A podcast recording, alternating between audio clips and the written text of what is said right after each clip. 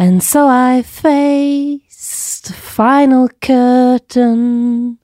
My friend, I'll say it clear.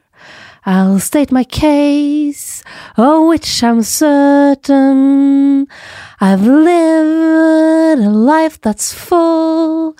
I've traveled each and every highway, and more, much more than this. I did it my way. Ja da. Med en sånn kjempetett og fin pollenstemme hvor bare alt er uklang. Men Ole Martin, vi har definitivt gjort det på vår måte, og nå er definitivt sesongen over, så hvem andre enn Frank Sinatra kan innlede denne episoden? Så beklager jeg til alle at jeg er ekstremt pollenallergisk, så jeg er så tett i nesa, og halsen min er bare rør. Åh, det tok 38 runder, men endelig fikk jeg og dere høre Mina Finstad Berg synge og åpne denne siste episoden! Det var Herlighet. egentlig siste episode sist, men vi klarer ikke å holde oss unna, vi. Nei, altså vi, vi må på en måte oppsummere. Ja, vi må Eh, oppsummere så vi har jo både fått en seriemester, og vi har fått en ekspertligamester, og vi har jo forsøksvis lært litt av den eh, sesongen vi har ja. vært gjennom. Så Ah, det, var så, det var så gøy, det var så nydelig. Nydelig sang, Mina. God start på eh, En god avslutning på hele sesongen. Den var ferdig i går. Det, nå er det mandag. Vi sitter her. Det er bare tre måneder igjen til fristen, folkens! Wow! altså, jeg har allerede begynt å scoute litt championship Nei, stats, så ikke tenk på det. Eh, Norwich-gutta der, ja. Mm. Nei, nei, nei. Uff a meg. Hvis man skal begynne allerede nå Nei, først må man ha litt ferie. Ja, Fordi ferie. Mm. fancy er veldig, veldig gøy, eh, men man er litt sånn eh, utmatta ja, etter ja. 38 runder. Eh, jeg elsker, jo, jeg elsker jo det spillet her, men samtidig det er litt deilig å ikke trenge å velge en kaptein til helga, for jeg bruker ganske mye krefter på å prøve å skjønne. altså jeg lurer på hvor, hvor, my hvor mye av min samla hjernekapasitet Mm. eh, forrige uke som gikk med til å lande på Mané istedenfor Aguero, eksempel. Mm. Og du landa jo veldig bra. Jeg landa jo på Mané. Men, kjem... eh, men jeg brukte lang tid på på å komme meg fram dit, liksom. Det, vi har brukt lang tid på å komme oss fram eh, hit til siste episode. Hjertelig velkommen skal du være. Takk for at du har fulgt med oss i alle disse rundene. Takk for oss. Nei da, vi skal ikke gi oss der. Dette var det. Dette var det. Um, vi skal oppsummere episoden litt i dag. Uh, oppsummere episoden Det er en oppsummeringsepisode. Og eh, vi starter med det som skjedde nå nylig. Det som skjedde sist. Mhm. Ehm, I går. I går. Siste serierunde. Og Som du sa, du landa på Mané-kaptein. ja, og det, der traff jeg jo eh, godt. Eh, Ja, det er lov å si. det er lov å si. Med, med to mål der så sørger han for at det blei tredelt toppskårertittel eh, denne sesongen her. Vi fikk jo også rett i at det kom til å bli en eller annen sånn herre Crazy bananas-kamp. Det ble jo selvfølgelig Crystal Palace mot Bournemouth. Mm. Som, Litt sånn eh, meldt på forhånd, inn- egentlig. Ja, flere Ja. var innom at den kunne bli det. Jeg, jeg mener også egentlig at altså Watford Westham, som vi også meldte ganske tungt at her kan alt skje, Mm. den, også den kunne jo ha blitt en 3-3-kamp, som jeg gjetta på, hadde det ikke vært for eh, rødt kort til Holebas. Ja, det ødelegger jo egentlig det tipset. Og det tipset om at ehm, Watford Vi var litt, litt investert i Watford begge to. Begge hadde satt inn Delofeo før runden. Men uh, var seg å være en helt fin erstatter for Hongminson. Min Mye bedre enn både for eksempel på Pogba, da. Herlighet. Som jo var en, eh, en kandidat for mange. eh, og Tenk det! Jeg har jo sittet før liksom de to siste matchene United og snakka De har Huddersfield og de har Cardiff. Så får de ett poeng. Ja, men, men det har vi jo lært, da. eh, For en gangs skyld, i hvert fall vi to, håper mange andre også har lært det, at du kan ikke se deg blind på såkalte pene kamper hvis det er et lag ute av form. Eller en spiller ute av form. Mm. Da er det bedre å hoppe på spillere som du tenker at er i grei form, har en grei kamp, enn å hoppe på liksom iskalde spillere som har en nydelig kamp. Mm. Lucas Mora var vi også innom som erstatter, men, eh, men der ble det ikke uttelling. Nei, det gjorde ikke det. Eh, Så ja. Men den store, store, store poengkongen den, jeg, jeg tror ikke noen på forhånd hadde gjetta poengkongen for runde 38. For Ja, det du, er du har faktisk altså helt rett. Det var ingen som hadde gjort det. Fordi han har 0,0% Det er Ingen som, det er ingen som har han. Får altså da 16 poeng med to skåringer og bonus hele sølvmeten. Det er Jeg uh, klarer ikke å si hva han heter engang. På Cardiff. Hva kalte han? Mendelang? Nei, men det her blir vel Nathaniel Mendes Lying skrives det i hvert fall. Mm. Hvordan det uttales, det veit jeg ikke. Men eh, ja, ja, to skåringer på Old Trafford. Det er jo god stemning, det. Ja, altså Bør jo være fornøyd da? Ett poeng mer enn Mané. Og Sånn, ja. Skjær og Alexander Arnold og Mark Noble, da, dere! Ja, Så Én ting er at han scorer på straffe, men han liksom går på et lite raid og drar en liten fin skuddfinte og hele pakka. Altså, det var, det var saker, det må jeg Mm. bare si. ja, Men det var ikke bare Noble og Mendelang og Skjær. Altså sånne folk som du aldri hadde tenkt på, som leverte bra. Alexander Arnold, Sadio Mané, Aubameyang. Eh, Aubameyang er jo, topper jo skuddstatistikken for denne runden her, Mm. sammen med Mason Greenwood. Vi Mm. varsla jo at eh, noen av unggutta kom til å få sjansen på Old Trafford. Eh, Det er deilig å se at også de trofaste storkanonene som man alle, veldig veldig mange hadde på laget fra før, leverte. Det synes jeg var deilig å se. At det ikke bare blir en helt klin kokos bananas. største Runde. smellen er jo at Edna Sard er benka. Ja, Det er egentlig det. Det, det var jeg skuffa over. Jeg hadde liksom håpa at han skulle starte, men det er klart han har spilt 120 minutter i Europaligaen, så det Mm. var jo en viss risiko der. Men jeg så liksom for meg at fordi dette kan være hans siste Premier League-kamp for Chelsea, Mm. Så kommer han til å starte, men eh, den gang ei. Nei. Hvor mye poeng ender du på, da? Jeg Siste ender runde. på 75 poeng, var det vel? Ja.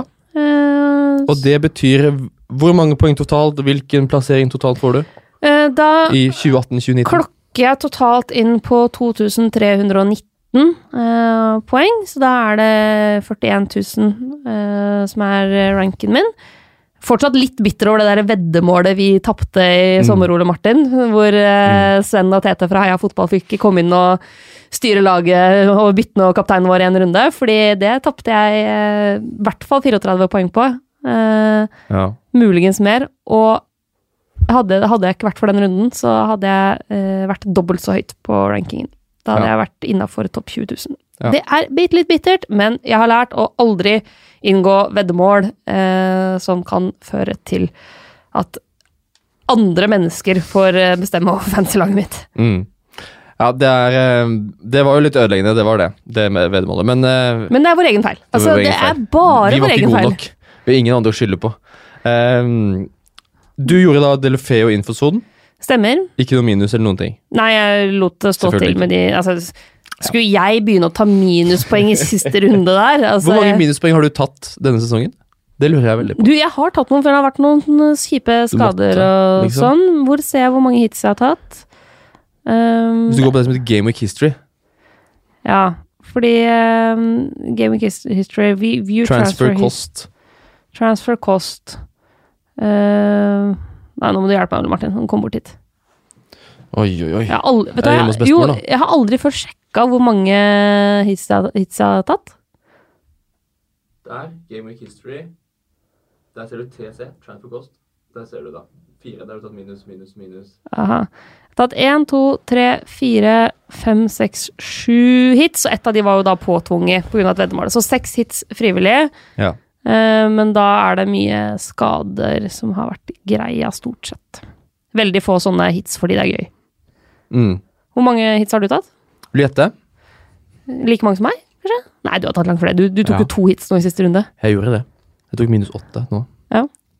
Det gjorde jeg også i runde 35. Ja. Eh, På de siste fem rundene Altså, i runde 34 tok jeg minus fire. Runde 35 tok jeg minus åtte. Runde 36 Jeg får vondt bare av å høre på det her, Ole Martin. Runde 37 ingen. Og så i 38 minus åtte. jeg har tatt 15 hits. 60 poeng. Ja. Har jeg kasta ut vinduet. Um, det er sikkert mange av de poengene jeg ikke har fått tilbake, men denne runden, 38, så har jeg virkelig fått tilbake for det. Um, jeg tok ut uh, Hongminson. eh, Får null poeng. Tok jeg også Dale Stevens fra Brighton. Spilte jo ikke, så det er helt greit. Um, fikk jeg rydda ut de, og så fikk jeg satt inn Deolofeo og Nathan Redman, Ja, ikke sant. som også var min kaptein. Så der går jeg veldig i pluss. Og så tenker jeg ok, det skal ikke stå, nå skal jeg ikke gjøre noe mer. Og så får jeg dukker det opp eh, liten, eh, vis, en full hvisker i øret mitt. Eh, kvart på tre søndag ettermiddag. Luke Shaw er ikke i troppen. Ikke avbildet på hotellet, ikke med i kamptropp. Han sitter jo på laget mitt. Og siden jeg har tatt ut Son og satt inn Redman og sånn, så har jeg penger i banken. Jeg har 0,1 klaring på å ta inn Andy Robertson. Ja, da gjør du jo det. og jeg står bare med Alexander Arnold og Mané føler jeg fra før. Så selvfølgelig tar jeg da enda minus fire, når jeg vet at når da får tror jeg på at Luke Shaw ikke spiller. Robertson var jo sånn 75% men han hadde trent, og det var greit. Så han får clean shit, så jeg går jo også i pluss der. Så jeg får 83 poeng, men ender da også på 75.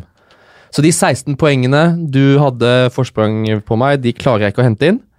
Um, jeg skal ikke skylde på Jack Simpson i Bournemouth for det, men at han blir kast... At, noen, at keeperen hans kaster ballen i kneet hans. Det er så klønete. Og da skårer sjølmål og slipper jo inn herlighet så mye mål, men jeg er ganske glad for at han blir tatt av. Han blir tatt av etter 69 minutter der, så han slipper det ene baklengsmålet i tillegg. Men får minus to poeng. Og, ja. Men jeg spiller jo benchbuss, da. Ja.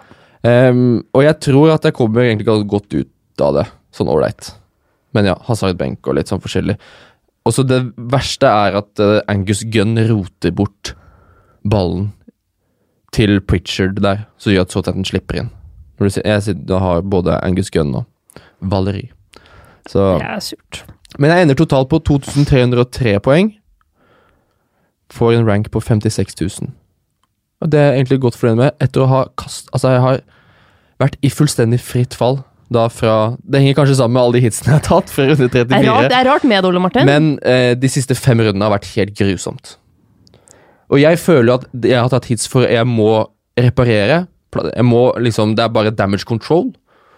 Um, og jeg, jeg Nå har jeg ikke re- finregna på det, men jeg er ganske Altså, jeg vet at Alexander Arnold var et hit jeg tok inn for, for tre runder siden. Så det har betalt seg. Uh, Luke Shaw, at jeg satte inn han, det gjorde jeg uten hit. da Han satte jeg inn 40-37, og ble jo minus fire uten nå. Så han har jo kosta meg litt. Uh, men uh, det er liksom Jeg føler måte det, det er, Å ta hit så måtte jeg gjøre, uansett. Så jeg, jeg føler det redda meg til slutten der. Og her har vi jo litt ulike tilnærming til det, men det er jo også lov. Men det betyr at uh, du ender på Du sniker deg opp på pallen i Ekspertligaen, på tredjeplass. Uh, jeg tar andreplassen. Mm, Vi, det gjør du. Vi, vi dytter, altså, du dytter eh, Erik Thorstvedt, eller egentlig kollektivt dytter Erik Ja. Thorstvedt ned fra pallen. Han har jo vært sterk hele sesongen. Klatter men- forbi han. Vi må eh, hylle de som bør hylles, fordi vinneren av TV2s ekspertliga denne sesongen her, det er Remi André Taule, som altså cruiser inn til 103 poeng i sin siste runde. Varsla da vi hadde Facebook Live på fredag i chatten der, at han skulle ta inn Saha, for han mente det kom til å være et genialt valg. Det traff han, Han på. rett. En av få som sitter med Aubameyang Mm. eh, i ligaen. Det treffer jo som bare Ja. rakkeren. Eh, og har jo til og med Pereira. og Pereira. Ja, det er, det er så bunnsolid av eh, Remi. Han er jo For de som ikke vet hvem Remi André Taule er, så håper jeg må du følge bedre med i timen. Men det er jo mannen som booker inn ekspertene. Stemmer, stemmer. Han er eh, en av mannene som eh, drar i alle tråder bak, eh, til eh, TV 2 og Ja, ansvarlig for hockeysendinger. Ja, jobber veldig mye med hockey. Um, En kremfyr.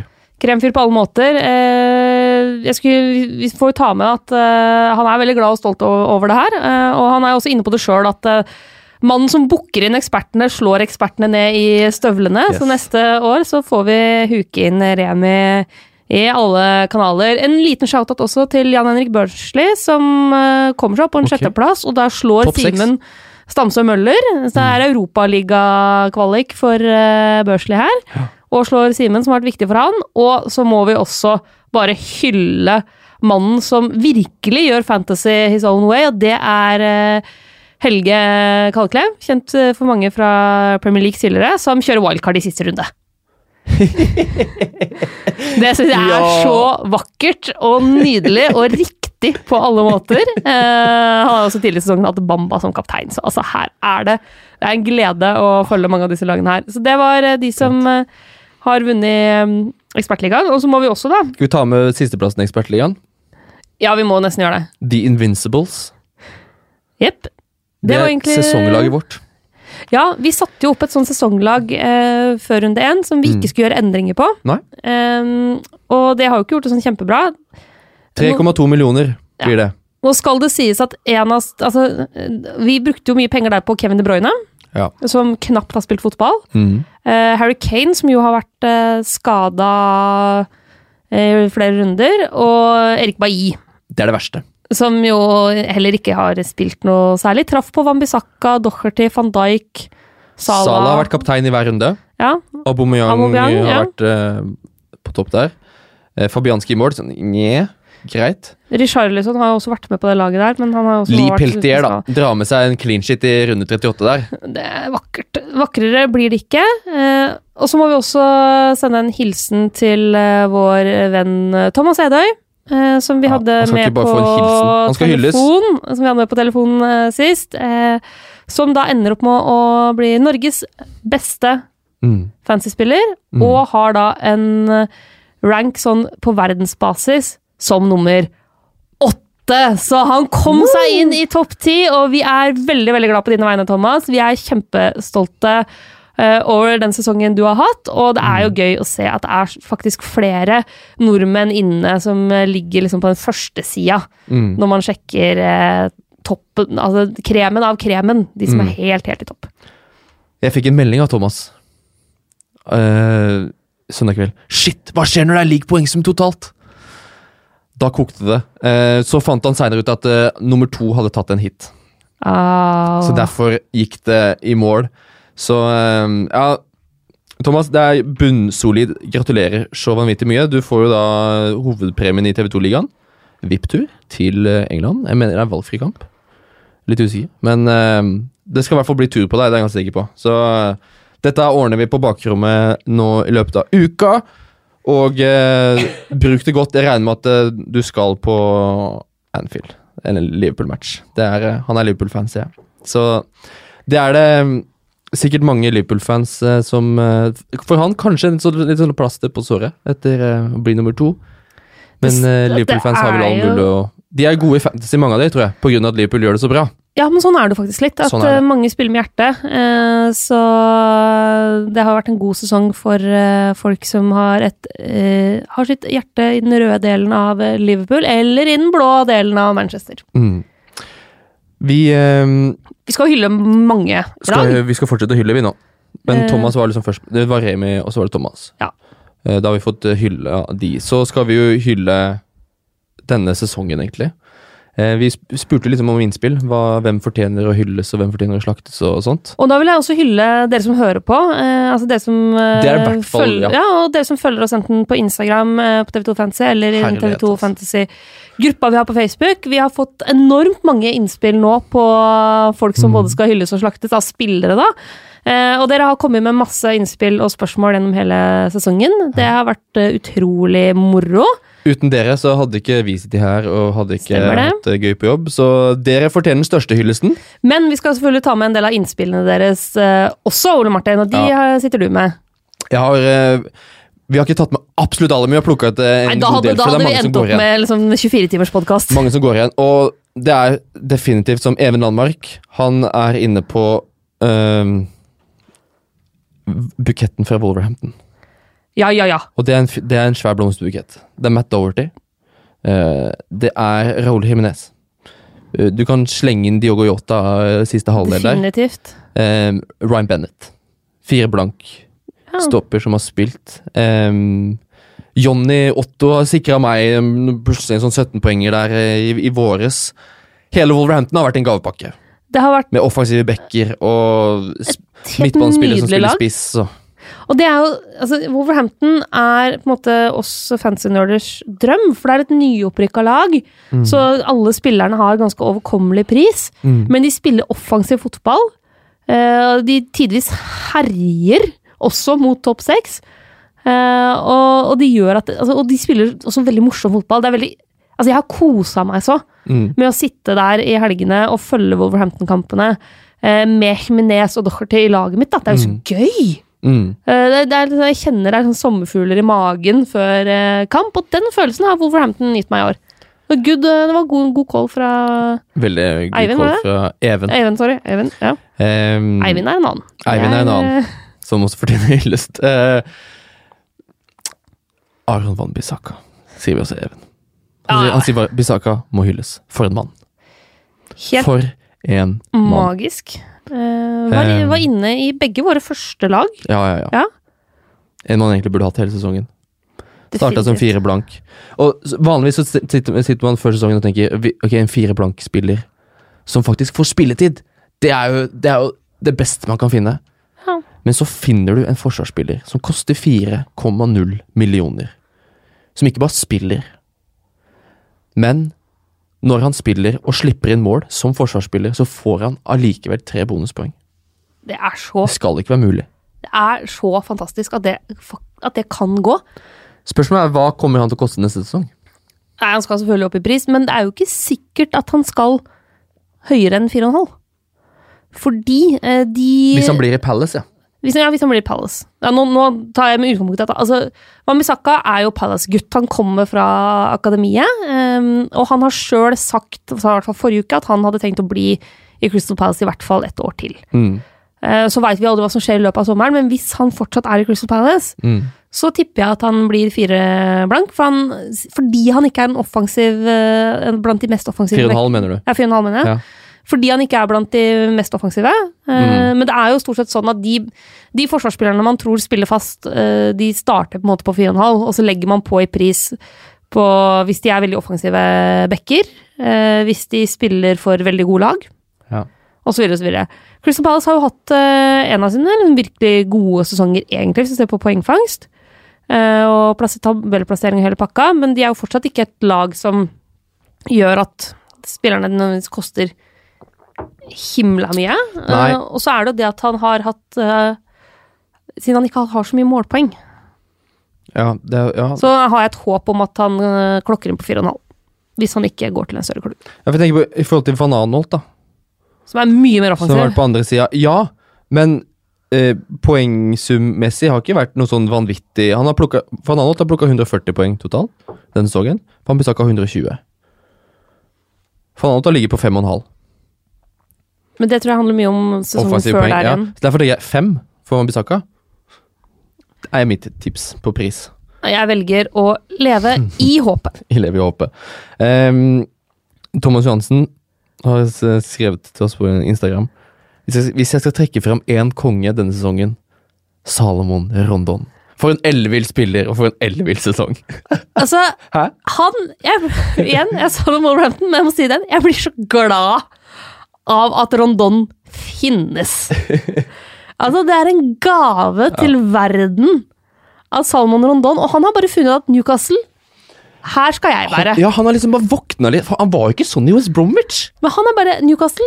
Her hører jeg hjemme. Ja. Her skal jeg herje og løpe og brøyte meg fram og plutselig score på frispark og liksom bare være helt sjef. Mm. Og så er han visstnok en veldig fin fyr også. Ja, selvfølgelig er han det. det ser, alle ser jo det. Det at han er en fin fyr. Han har elleve seriemål denne sesongen. Det er, må man si er veldig veldig godkjent. Han har registrert åtte fantasy assist.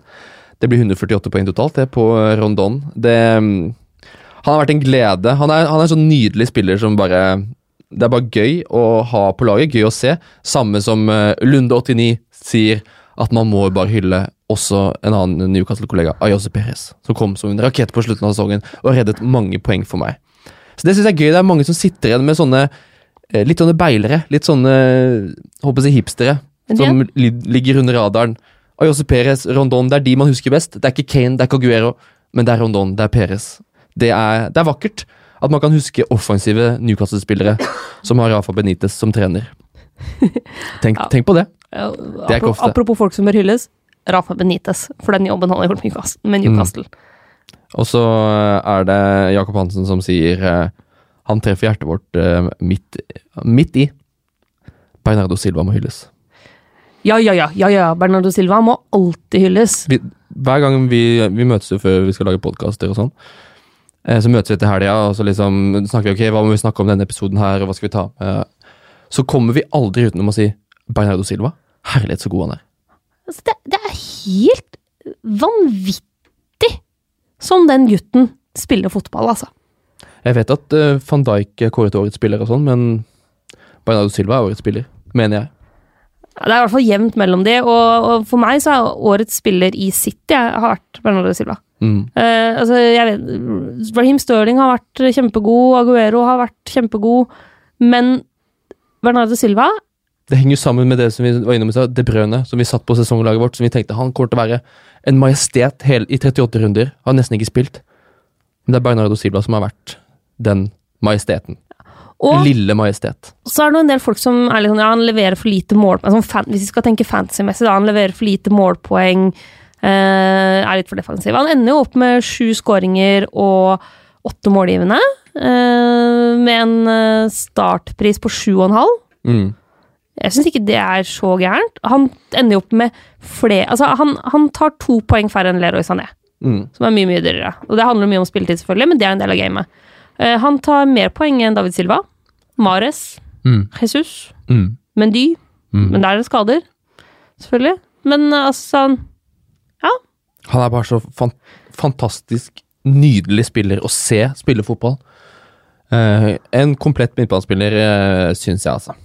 Han eh, Så Jakob, han Du har helt rett. Bernardo Silva må hylles. Og så skal vi ikke bare hylle, vi skal slakte litt også. Kristian Amundsen. Slakt Westham. Ja og nei. Eh, altså, eh, Westham på dårlige dager, eh, slakt, slakt, slakt. Mm. Westham på gode dager er jo masse poeng. Altså, det var sånn, jeg har jo hatt Filippe Andersson, for eksempel. Det var en periode der hvor det var kjempelønnsomt, og så var det en periode hvor det var eh, fryktelig grusomt og fryktelig, fryktelig tungt. Eh, Fabianski har jo vært en trofast mann i buret for mange av oss som kjører billigkeeper. Jo, men altså, vi har jo hatt den, og ikke Vært mye mer irritert på Fabianski enn jeg har vært glad for å ha han på laget. Nei, altså, det, det kommer de her eh, redningspoenga, vet du. Ja, men det er en myte at han er så Er så bra keeper. Du, han er jo blant Altså, hvis du ser på tallene, Ole Martin, så er jo han blant de som Han har syv clean sheets. Jo, men det handler jo ikke bare om hans egen innsats. Han han har jo også fått Nei, selvfølgelig 15, handler det om laget han Mm. spiller på. Han har fått 15 bonuspoeng, og han har fått en del sånne save points, da. I de eh, kampene hvor han ikke holder nullen. Altså, han har jo et par sånn Har en eh, trepoeng eh, har en del sånn trepoengere, noen firepoengere, altså Ja, men trepoengere og firepoengere jeg, ork- jeg, vet du hva, Det jeg sa Husker han er bare sånn der, Han er bare sånn set and forget-keeper. Uh, jeg har aldri klart å glemme at han står bak der. Jeg har blitt en sånn verkebyll bakerst i laget, så ne, han kommer jeg ikke til å ha neste sesong. Men Jeg er ganske sikker på. av billigkeeperne, altså de som koster under fem, så er det bare én som har flere poeng enn han denne sesongen her.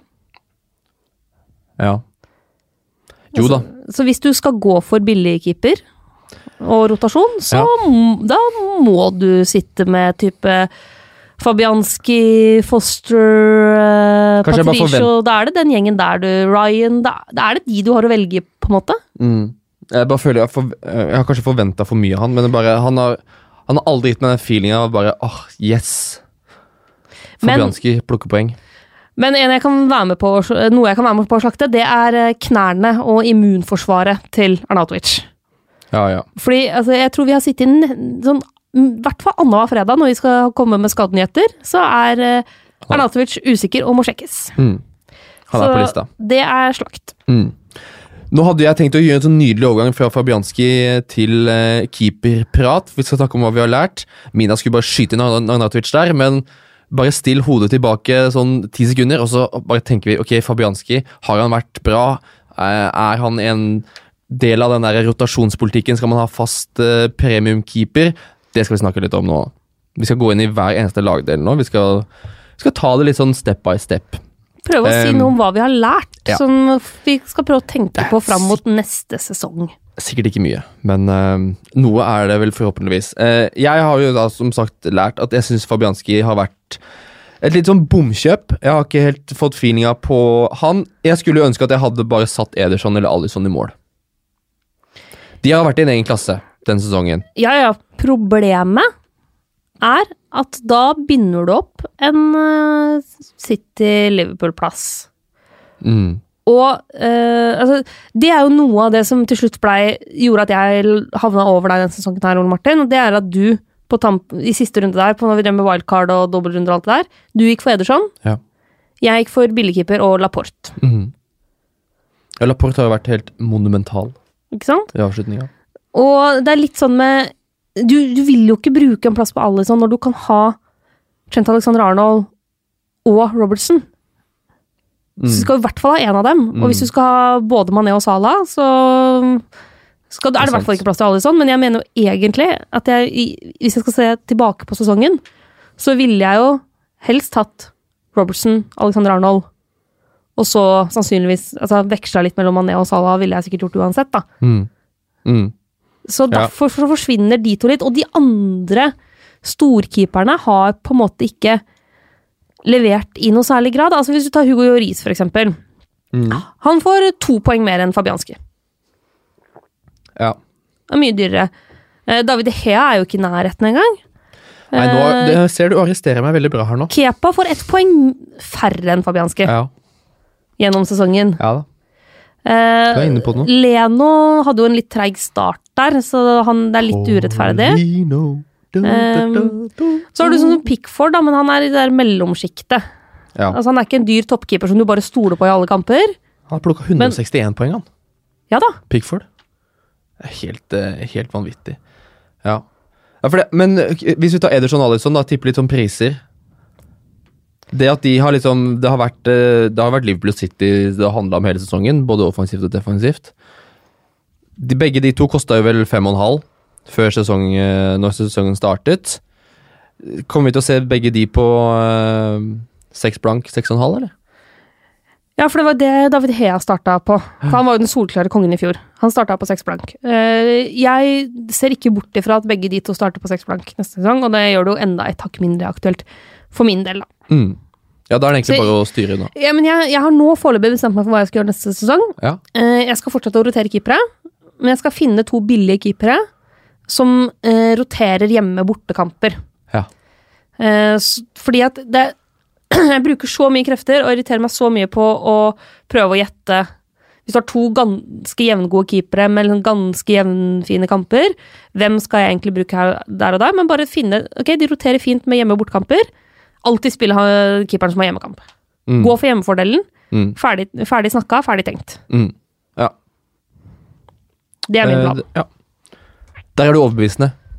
Du, er, du har god kontroll, eh, Mina. Vi skal kåre, da, blant keeperne. Vi skal kåre én konge, én blindpassasjer og én flopp.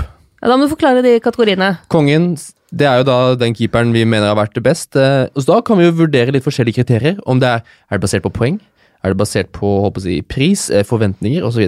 Blindpassasjer er jo den keeperen, eller den spilleren som vi må, har gått litt under radaren. Som vi måtte, ikke helt har fått med oss, men som har gjort det prestert på et veldig høyt nivå.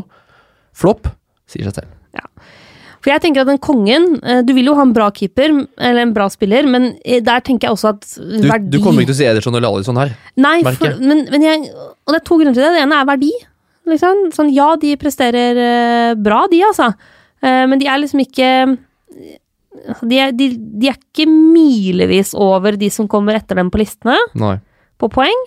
Eh, og så binder de opp en plass som jeg held, hvor jeg får mer valuta. Ja, du får ikke lov til å si. Fabianski. Det går Nei, jeg ikke med nei, på. nei, du, jeg skal ikke si Fabianski i det hele tatt. Jeg har en helt annen uh, keeperkonge, som dessverre ikke blir å se i Premier League neste sesong. Etheridge. Å, jeg trodde du skulle si Sergio Rico. Nei, nei, det er uh, Det er narren. Etheridge. Ja, for der er du eh, inne på det. mm. Keepere som redder straffer. keepere Det som er straffer. det beste du kan ha. Altså, han er den keeperen med fjerde mest poeng Mm. denne sesongen her, for et lag som rykker ned. Mm. Og jeg har også gravd, jeg har jo gravd fram noen tall på forhånd, da, vet du. Det blir jo ikke sending uten det. Eh, og han er den keeperen som scorer høyest på poeng per million. Mm. Så hvor du har fått mest, på, mest eh, poeng per million du har investert. Eh, og er faktisk nummer to totalt på lista. Mm. Så det, er- han har vært nest best verdi Mm. den sesongen her. Han er kongen. Keeperkongen. Jeg, jeg, vet du hva? Enig. Um, blindpassasjeren. Det er, for meg så er det ganske åpenbart. Det er en spiller jeg aldri har vurdert å ha inn på laget. Eh, så kan du si at det er eh, mest pga. prisen hans. Men det er eh, den, den keeperen som har plukka tredje mest eh, poeng, Jordan Pickford. Også henger litt sammen med dette Han har hatt noen strafferedninger og sånt. Han, 161 poeng har han. Og Ederson har 169. Og at Everton hadde en periode der, nå på tampen, Ja. hvor de jo holdt nullen i kamp etter kamp etter kamp etter kamp. Mm. Så jeg er helt enig med deg. Det de hadde, de hadde sånn, altså Rundt jul, nyttår, vinterperioden der, så var jo Everton øh, grusomme. Men det kom seg noe voldsomt. Og så er det bare det man liksom har tenkt at Everton ja, men Everton er ute av form. Jeg stoler er ikke på dem Stoler man ikke på dem, stoler man ikke på Luca Dini og Pickford og hele gjengen. Men så bare kommer de tilbake i form, og bare det toget tøffer av gårde. Og uten at vi får det med oss, så Pickford, sesongens blindpassasjer. Ja, Floppen, enstemmig vedtatt. ja, ja det, det er jo David De Gea. David De Gea, ja. Eh, for, og han tok så mye poeng i fjor, og det har vært så Altså, han er bak Foster og Dubravka og Schmeichel. Schmeichel er jo Ja, men Nei, det blir for eh, Han er to poeng foran Patricio. Ja. Det er, det er for lite poeng. 120 poeng, David Gia. Det er for lite poeng. kosta altså seks Kosta 6 millioner før sesongen. sesongen. Ender på 5,7, så han har bare falt 0,3 i pris. Så kan man jo kanskje ane at eh, vi, Apropos innspill vi har fått til denne episoden. eh, United har fått mye slakt i innboksen vår. Eh, det at de har en dårlig sesong nå, og DG spesielt, kan det bety at han blir billigere til neste sesong, og at man på en måte kan være, kjøpe billett der og være med på en opptur? Det ser jo ikke ser- sånn ut. Nei, altså, men der kommer det til å skje mye i sommer, tror jeg. Mm. Eh, altså det kommer til å komme spillere inn dørene, og den andre kommer til å enten ville dra eller bli sendt ut, sånn at det er fryktelig vanskelig å spå nå.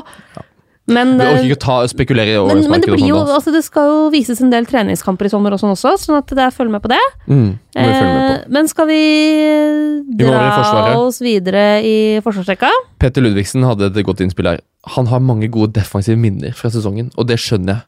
Um, som han sier, Laporte siden runde 32 er jo alt man drømmer om i en premium forsvarsspiller. Og det er ikke bare Laporte som har vært uh, en drøm som går i oppfyllelse.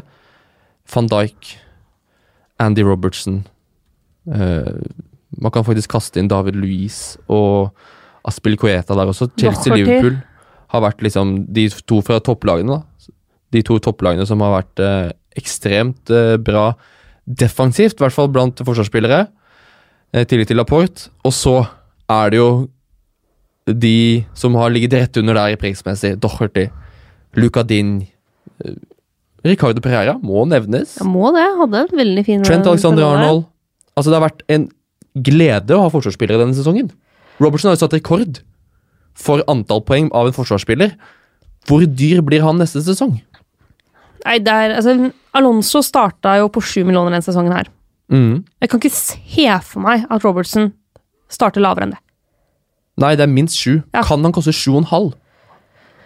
Du kan, altså, du, du kan nesten det. fordi Jeg snakka litt i, i stad om dette med poeng per eh, million, og hvor det er mest verdi. Og altså, Alexander Arnold og Robertson, for også van Dijk, ligger jo skyhøyt Mm. på den lista. Ja, det er ikke rart. Altså helt, helt, helt i toppen.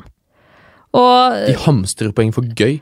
Ja, og én ting er jo at de gutta der eh, leverer meget bra til å være defensive spillere, men Robertson er altså den spilleren Han har tatt femte mest poeng den sesongen her. Mm. Van Dijk er nummer seks på liksom, sammenlagt-lista, Mm. og Alexander Arnold er nummer ni.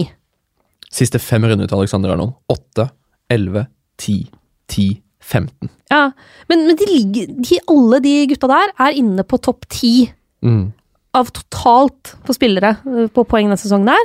Og så hvis du ser topp 20, så har du også inne for eksempel Laporta. Mm.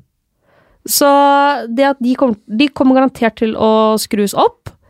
Eh, og noe av det jeg har lært denne sesongen her, er at uh, hmm, kanskje det er 4-2 som egentlig er formasjonen nå. Og det handler om at fotballen er i endring. Uh, det handler om at vi har ledende lag nå som spiller med ekstremt offensive backer. Mm. Som spiller sånn som Klopp, med høyt tempo og bekker som bare får dundre nedover kantene der. Og det gjør jo at det ligger vanvittig mye verdi Ja, I, de, bekkene. i de bekkene. Men også stopper, altså van Dijk og Laporte. Ja, ja, ja. Du må jo ha Jeg mener, Laporte er jo Og for så vidt Robertson. Jeg kan ikke se for meg hvordan man ikke kan ha det i neste sesong. Som du sier, du må, i du må ha fire bak. Helt enig. på starten av sesongen så hadde vi også Mendy inne i miksen. Vi får Ja. se litt hva som skjer med han, da. For han, han var jo Han var jo wing Ja, ja. i de, de kampene han faktisk spilte på snart av sesongen. Det rant jo inn målpoeng på han. Mm. Så ja, nei, det, men 4-4-2 kommer jeg til å vurdere ganske Hvor, dyrt, hvor dyre må disse bekkene og van Dijk og Laporte-gutta være for at det blir for dyrt? Nei, altså, da må de Hvis du kommer opp på Altså På 7,5 så begynner du aldri å begrense deg på hvor mange du kan ha. Eh, altså, på 7 også, egentlig. For det, det handler om budsjettet som helhet. Mm. Men det man kan velge da, er jo som sagt, hvis man tenker 4-4-2 og én kjempebillig midtbanespiller Jeg har jo for moro skyld da satt opp et 4-4-2-lag nå. Det blir jo basert på på en måte Altså øh, verdien Nåværende på de priser sånn. nåværende priser, og ikke minst hva jeg har kjøpt spillere for, osv. Men sånn som nå, da, så kunne man tenkt seg en 4-4-2 med, med Alexander Arnold, Laporte, Robertson og Van Bissaka. Altså Mm. slenge inn én billigspiller der, og så kan man da ha en midtbane med Hazard, Mané, Stirling og f.eks. Redman. Mm. Eh, eller noen i den prisklassa, sånn en joker til sånn rundt 5,5, og så kan man ha Aguero og Himinez på topp. Ja. Det er lett å sitte her etterpå og bare si at det der er jo helt fantastisk lag, det der kan du bare la stå hele sesongen. Det kan man jo eh, på en måte ikke, men øh, veit vi jo når man kommer til stykket. Men eh, at man skal ha mye verdi i forsvarsleddet neste sesong, det er jo ikke tvil om. Eh, jeg er jo mest spent på Alexander Arnold. Ja. Prisen hans. At Robertson kommer til å koste 7 eller 7,5, overbevist. Van Dijk det samme. Van Dijk kommer til å koste 7 millioner, overbevist. Men om Trent, fordi der er det litt andre faktorer. Med eh, rotasjon, Alder. alder. Altså, så om han er Altså Hvis han er 6 eller 6,5 Eller hvis han er 6 millioner, så er det mye mer attraktivt Ja. enn de andre. Spørsmålet er hvor mye billigere han blir enn en van Dijk og Robertson, da, som det har vært liksom de to store kanonene. Eh, egentlig. Samme Laporte. Som man måtte Pepperuletten der har jo ikke eh, slått inn på han. Han er fritatt fra den. Ja, det, han har, det, det har virkelig sett sånn ut, og han er jo en midtstopper som passer Pep Guardiola meget, meget godt, må det være lov å si. Ja, definitivt. Eh, Han er så viktig det der oppbyggende spillet til City, når de skal liksom etablere seg Mm. angrep der, snike og liksom bare for, for å få resirkulert ball i laget, alltid oppspill, altså alltid ledig, alltid bevegelig og øh, god på hodet. Så ja, nei, det er mange Nei, men, men 4-4-2 kan bli høyaktuelt neste sesong, altså, for det handler om Selv om vi tenker at ok, eh, i Robertson 7,5, det er kjempemye penger, men en, en fast Liverpool-indreløper til 7,5, da Mm. Shakiri. ville vi jo ja, Hvis han hadde vært fast, liksom, mm. så ville vi jo tenkt at det var høyaktuelt. Ja, selvfølgelig. Og så har du ikke bare Altså når det er så stort potensial for målpoeng som det er på de gutta der, og samtidig så gode sjanser for å få de der fire poenga Altså fire poeng, det er, en, det er jo en scoring fra en spiss, da. Mm. Ikke sant? Mm. Så er det jo alt i alt verdt det. Ja, definitivt. Definitivt. Eh, Robertson har 21 clean sheets. Ja, han har, flest av, han har jo flest av alle. Van Dijk har 20. Det er helt, helt uh, spinnvilt. Uh, og med Robertson, da, hvis du tar med Du legger inn 21 clean sheets i banken, og så legger du inn 12 assist. Ja. Jeg kan ikke se for meg at han blir noe billigere faktisk Han sin 7,5. kommer til å koste Sorry. spenn. Han kommer til å koste spenn. Han blir vel da forsvarskongen, eller? Altså, han, han Setter ny rekord.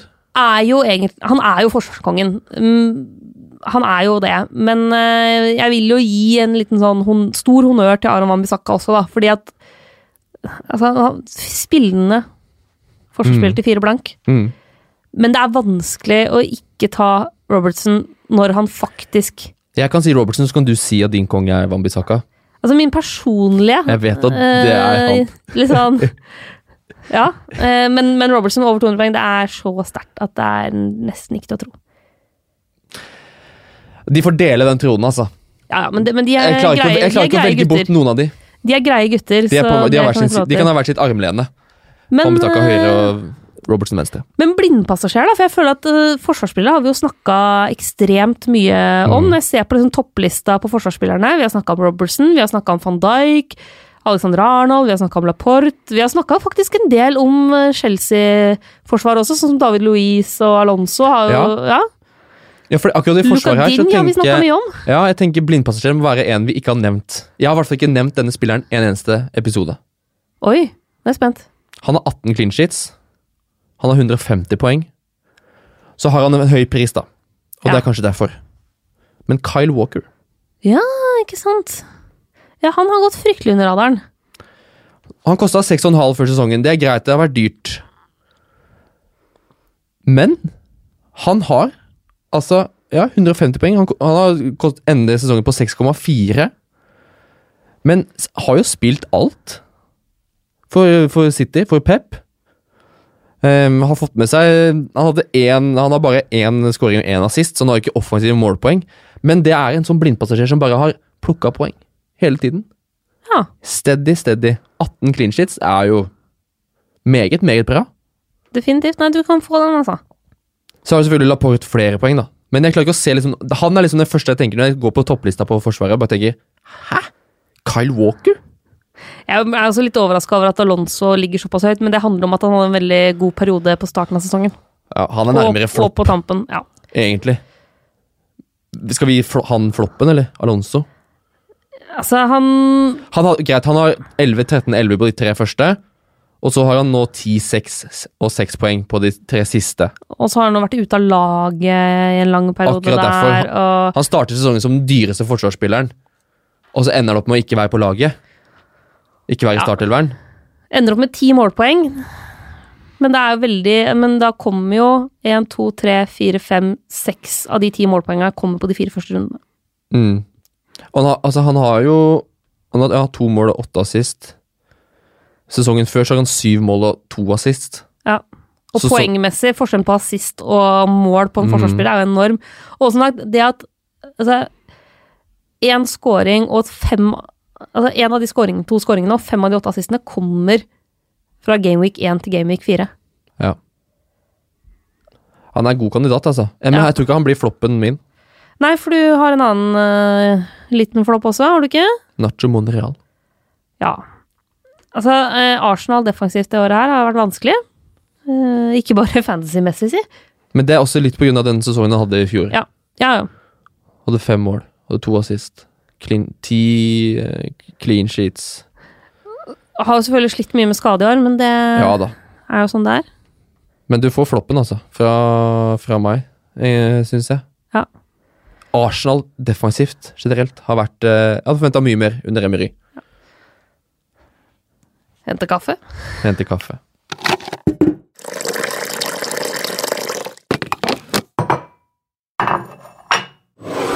Da har vi hatt en liten kunstpause, Ole Martin.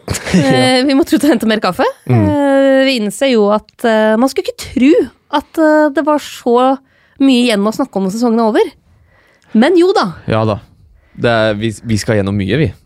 Så um, heng med, min venn. Heng med. Det var Forsvaret. Vi gå, skal vi gå over på midtbanen, da? La oss gjøre det. Dette har vært midtbanespillernes sesong. Ja, ja, ja. Uh, av de dyre spillerne i år, så er det jo midtbanespillerne som har levert. Eh, Sala blir poengkonge for andre år på rad. Eden Hazard, eh, en sterk nummer to der. Mm. Raheem Sterling tredjemann, og Mané fjerdemann. Og så må vi altså ned på sjuendeplass på lista før vi finner en spiss. Ja, ikke sant? Så det er fire, det er, det er fire midtbanespillere, så kommer det to forsvarsspillere, og Mm. så er det to spisser, og så er vi over på en forsvarsspiller. Og da en midtbanespiller som har sisteplassen på, på topp ti. Så de store kanonene på midtbana, de har levert som eh, bare det. Og det var jo det vi snakka mest om egentlig før sesongen. Og da spesielt Mohammed Salah, som kom fra over 300 poeng, eh, 13 millioner i prislapp. Var han verdt det? Det krangla vi en del om. Ehm, du turte ikke gå uten Salah, husker jeg, Mina. Jeg var sånn Nei, det, vet du, han er det er for mye penger. Eh, så kan du si at det, der bommer jeg jo, fordi han er den spilleren som tar flest poeng. Ja, men, Men jeg mener samtidig at jeg var inne på noe. du hadde jo også rett med tanke på at verd, en sånn verdimessig, da. Mm. For argumentet mitt var jo så at Mané like Yes. god verdi. Uh, og Mané, eh, han uh, ender jo opp på 231 poeng. mm, Uh, det er meget eh, pent, altså. Og han ender jo opp med da også selvfølgelig flere poeng per million mm. enn Første, Salah. sesong, ja, første sesongen han har over 200 poeng. Altså, forrige sesong så hadde han 147 poeng. 10 mål, 8 assist. Nå er han oppe på 22 skåringer. Ja, det er helt vanvittig. Så er jo frykten, da Um, Blir han spiss neste sesong? Og det kan vi egentlig ta med med Salah. Ja, Salah det samme Mané blir gjelder spisser. jo Salah. Altså, hvis du tenker på, I dag da, så er Firmino klassifisert som spiss. Ja. Mens de to gutta der er midtbanespillere. Det er jo skeivt. Mm. Definitivt. Så det, jeg, jeg er redd for at i hvert fall en av dem, kanskje begge, Mm. kan finne på å bli spisser neste sesong. Eh, og så skal de nok nærme seg mye mer hverandre i pris, Mm. vil jeg tro. Eh, jeg tror at Sala ramler ned på 12,5. Tror du det? Jeg tror faktisk det, altså, fordi nå Det er strengt, altså. Jo, men, men han blei jo prisa til 13 basert på fjorårets sesong hvor han tok over 300 poeng. Nå lander han på 259. Jo da, Kan men jeg se for meg at han eh, I hvert fall har et lite håp om da, at han lander på liksom Harry Kane-nivå, som er 12,5. ja, jeg er ikke overraska hvis han fortsatt er 13. Det, hvis, han er på, hvis han fortsatt blir klassifisert som midtbanespiller, Ja. så tror jeg nok han er, er på 13. Uh, men så uh, Han har, har 22 mål, han også. Han har 12 assist, da. Ja. Kontra med, Dette er jo fantasy-assist, så det er jo garantert noen sånne blir Blir felt-varianter. felt-varianter. Det er noen straffer der, Ja. det tipper jeg. Um, han hadde også 12 assist i forrige sesong, men da hadde han 32 skåringer. Det er jo Det var vanvittig. vanvittig. Men um, for å ta det der med spiss midtbaneklassifisering Hvis Salah og Mané blir spisser Du kan ikke ha begge de to, da. Nei, Sånn det er klin umulig. Man har hatt i store deler av denne sesongen, på midtbanen, har man begge to inne. Men vi, altså, vi veit jo ikke. eh, Men eh, det er i hvert fall Det er en risiko der, da. Mm. For at uh, de kan ende opp som spisser. Mm. Um, Hva tipper vi prisen på Mané neste sesong, da? Da Si at han blir midtbane, da. midtbane, da vil jeg Fordi Stirling starta på 11. Mm. Vi skal nok opp dit, altså. Ja, vi skal det. Jeg, jeg tror vi skal opp mot Altså, Selvfølgelig skal vi opp på 11. jeg vil tippe Å, 11 ja, Altså, hvis vi er griseheldige Toppskårer i ligaen, jo. ja, Selvfølgelig skal vi på 11. Ja. altså hvis, hvis han blir spiss, så tror jeg han kan kanskje lande på Han skal jo, hvis, han skal jo opp på 12, egentlig. Så ikke Sala Hvis han, ja, han er 12,5, han er jo toppskårer i ligaen. Samme er Mané. Jeg, jeg, jeg, det er ok, det er assistpotensial. Det er det som gjør at kanskje Mané blir litt billigere. Ja, og så er det også litt det at En ting er om du er toppskårer eller ikke, men det handler også om total mengde poeng du tar på en sesong. da. Ja da. Eh, at eh, det med Salah var så vanvittig fordi han dro inn så enormt mye poeng. Mm. Ja. Sant?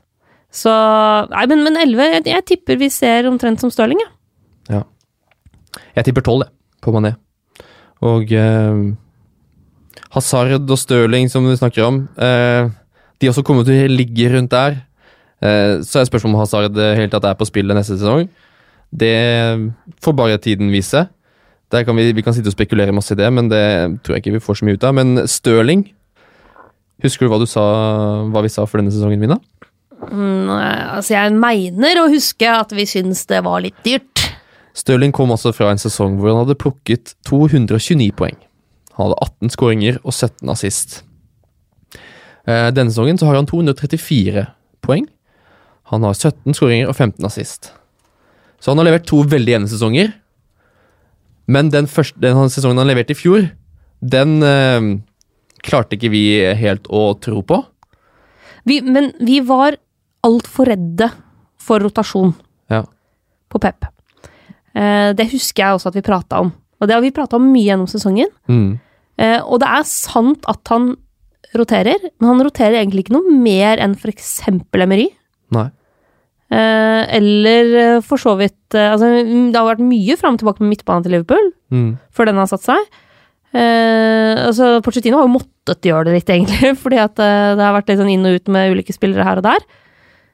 Men det, hvert fall, jeg kikka litt på det, og det er i hvert fall tre spillere som vi, hvis vi skal stole på den sesongen her, kan gjette at kommer til å spille det meste også neste sesong. Ja, de kommer til å bli hvilt en gang iblant. Altså, selv Eden Hazard ble jo nå hvilt i siste runde fra å starte på benken.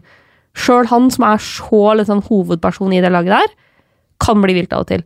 Men denne sesongen her Raheem Sterling eh, han har starta 31 av 38 kamper, blitt bytta inn i tre, og hatt fire hvor han ikke har spilt i det hele tatt. Mm. Ikke vært skada.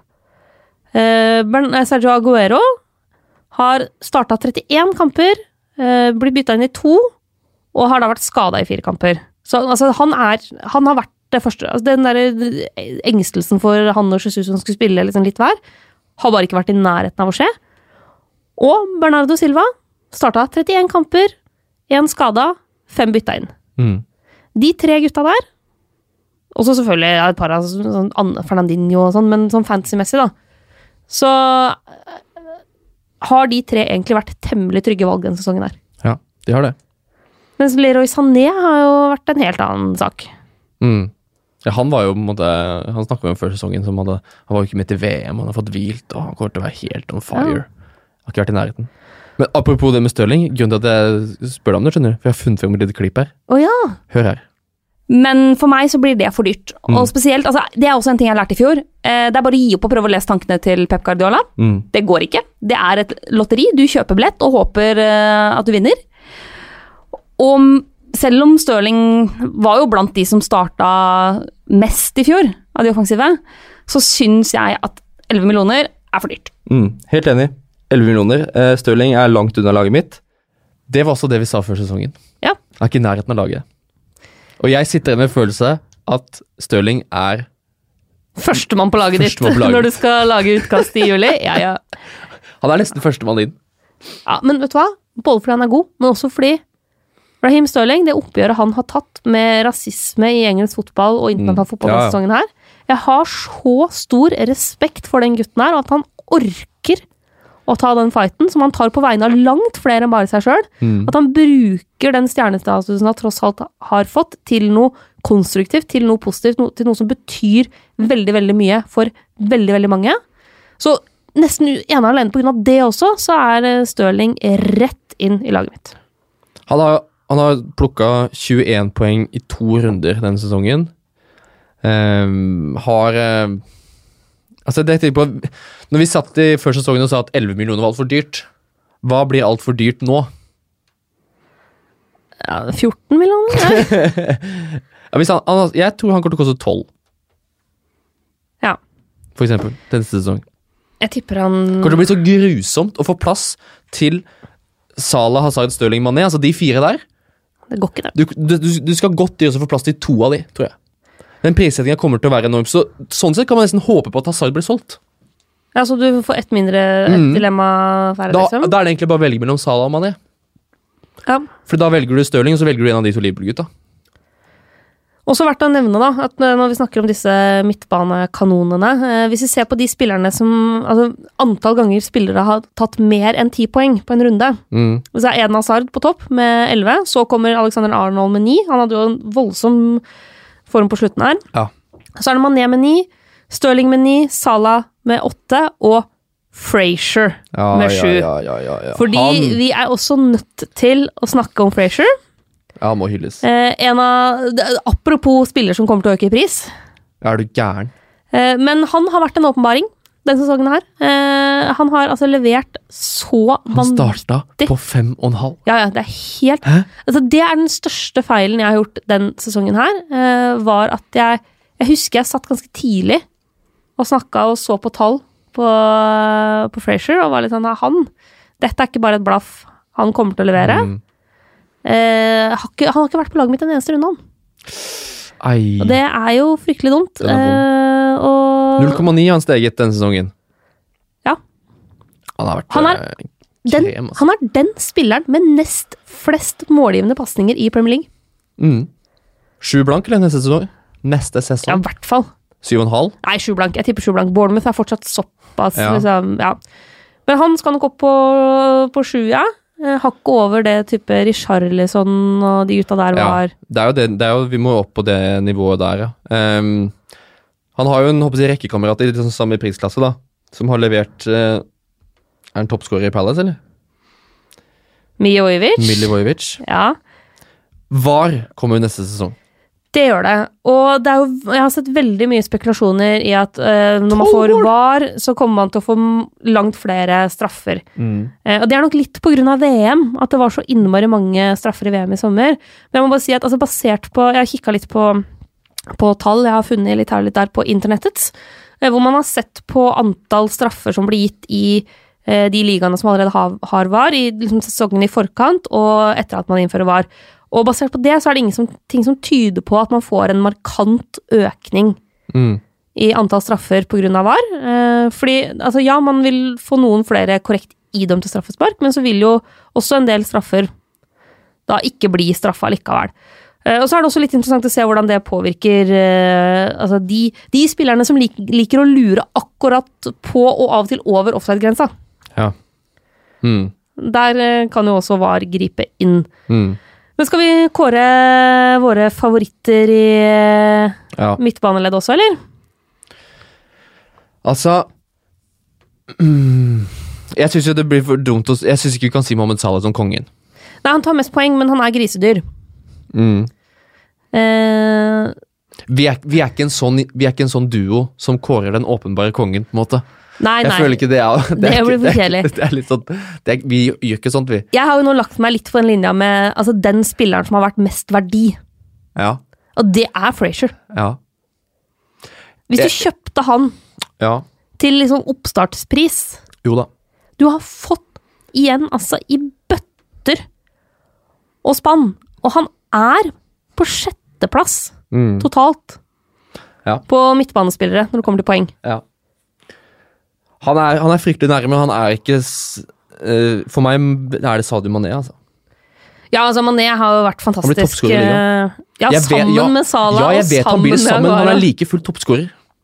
Ja, nei, men vi, Hadde du satt penger på det for sesongen, så tror jeg du hadde eh, blitt rik. jeg, kan, jeg kan gi deg den, Ole Martin.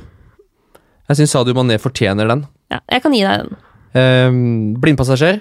er veldig, veldig nære. Ja. Han kan være dronning, da. Ja, det er fint. Ja. Uh, blindpassasjer. Nei, vi skal, nå skal vi til Skandinavia. Ja. Jeg tror vi er enige her, skjønner du. ja. Moi Lenossi.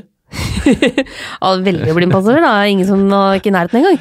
Uff, han Men- ser ingenting, han. Eh, Gylvi Sigurdsson. Ja, ja, ja, ja. Og Han har plukka mer poeng enn Frazier, faktisk. Ett poeng. en fantastisk sesong. Apropos en du måtte aldri hatt inne på laget. Feeling, liksom. Jeg hadde Ja. han litt i vinter. Fantastisk. Gått litt under radaren er den spilleren Altså, havner jo på tiendeplass totalt Mm. eh, på poenglista for alle typer spillere, og på topp fem på midtbanespillere. Beste spilleren til Everton. Ja, og involvert. Altså, han, han blir stående med da på fancy med 13 skåringer og 6 målgivende. Altså involvert i 19 mål. Mm. Eh, det er sterkt, det. Mm. Så han eh, skal definitivt få lov Den til å han. være med der. Og så er det jo veldig, veldig veldig vanskelig å Altså, på flopp. Ja. Vi kunne på en måte sagt Kevin De Bruyne der. Han har vært skada, så det, jeg, jeg syns ikke det teller når du knapt har spilt. Ja, men det, altså, Vi hadde Monreal i forsvaret, og han har på en måte hatt så mye skader. Ja, sant, sant. Så jeg syns at eh, Kevin De Bruyne dessverre har eh, vært en flopp, i og med at han har vært Han har ikke spilt, da. Greit, Ja. han har vært skada, men det er jo bare kjipt. Men at han er en større flopp enn Alexis Sanchez, det skal mye til. Ja. Greit, og han også hatt mye trøbbel, og han har måtte aldri vært vurdert, men jeg hadde han på laget i første runde. Ja. Det Faktisk. husker jeg. Du fikk meg den mest juksete Jeg fikk den jukseassisten i første Ja, ja, ja. runde. Um, så ja. Alexis Sanchez, du er uh, en åpenbar flopp. Ja, eh, han eh, får den. Ehm, som da Vi kan gå videre på, på spisser. Da avslutter midtbanepraten. Spissene har vært liksom en god kamp blant floppene der også. Ja, fordi det her har jo ikke vært spiss... Altså, de dyre spissene har ikke levert denne sesongen her, med noen få hederlige unntak. Kane har vært skuffende. Ja, Kane har også vært øh, Altså, han sliter jo med ankelen. Ja, Det er skuffende, det. At han sliter med det. Ja. Og, og jeg lurer på om det Altså, Han kommer sikkert til å koste 12,5 neste sesong også, men du, det kan være Det er jo et veldig at den skadeproblematikken der kan påvirke fantasy-verdien Altså For meg altså. så er det liksom Du må jo lære deg at du har en dårlig anke... Altså, Greit, det er kanskje maks utur, men det kan jo ikke være utur når du blir skada to ganger i året samme sted. Og han, Vi har snakka om det flere ganger, at han er en sånn som bare Han skal spille Det er, koster koste hva vil. det koster vil, før han er frisk. Um, nei, jeg har en litt sånn Jeg syns han har vært skuffende denne sesongen. Lukaku. Lukaku også vært eh, kjempeskuffende. Hele eh, veldig veldig store deler av United har vært en kjempeskuffelse. Ja, Bortsett fra den første perioden under Solskjær, den var Ja, bra. da var Pogba Rashford on fire, og det var, det var gøy. Eh, men eh, ja Lukaku har vært skuffende. Firmino Ja, uh, hadde jeg altså forventa mer. Han er en av, også en av de som jeg følte du kunne sette inn på laget, og så kunne du bare la han stå, for han plukka jevnt og trutt. Han har falt litt dypere denne sesongen, og på en måte er ikke Han er nå har blitt til, tilrettelegger. Han kan avslutte lenger. Men ender likevel med tolv eh, mål og åtte målgivende, er det ikke det? Jo da, det er sant, det. Så Eh, og, og med en startpris på 9,5 ja, okay. er ikke så gærent, altså. Nei, Han tar seks poeng mindre enn Lacassette totalt. Tenker som er på du, samme tenker du Lacassette ja. Har vært en kjempeskuffelse? Nei, det har han jo ikke. Han har jo ikke det. Han- Men har ikke Liverpool skåra ganske mange flere mål enn Arsenal, da? Jo, selvfølgelig. Eh, men men jeg, jeg tenker at du veit litt hva du får med Firmino. Du får en billigere eh, offensiv spiller som kommer til å levere langt dårligere enn Mané og Salah. Ja. Det er på en måte et valg du tar. Det er jo Jamie Vardy som egentlig har vært eh, kongen i det prissjiktet der. Ja, de, til de som koster mindre enn uh, en ti, Ti, ja. ja. så har uh, Vardy Han sniker seg inn på fjerdeplassen totalt. Ja. En ny vår der. Men, men det har jo vært litt sånn det har vært denne sesongen her, da. At eh, det er mange av de litt dyre spissene som har skuffa, mens vi har hatt et ganske godt utvalg av billige spisser å velge i. Altså. Eh, topplista er jo Aubameyang Aguero, så har vi, men så har vi Jimenez, vi har Vardy, vi har Callum Wilson, Lacassette Firmino, Kane, Rondon, Saha, King, Perez, Mitrovic, Chris Wood, Glenn Murray, og så kommer Rashford, og så kommer Ashley Barnes, liksom. Mm. Det er jo noen deilige navn nedover den lista der. Ja, det er fantastiske. Spesielt Wilson og Jimenez har jo vært de to.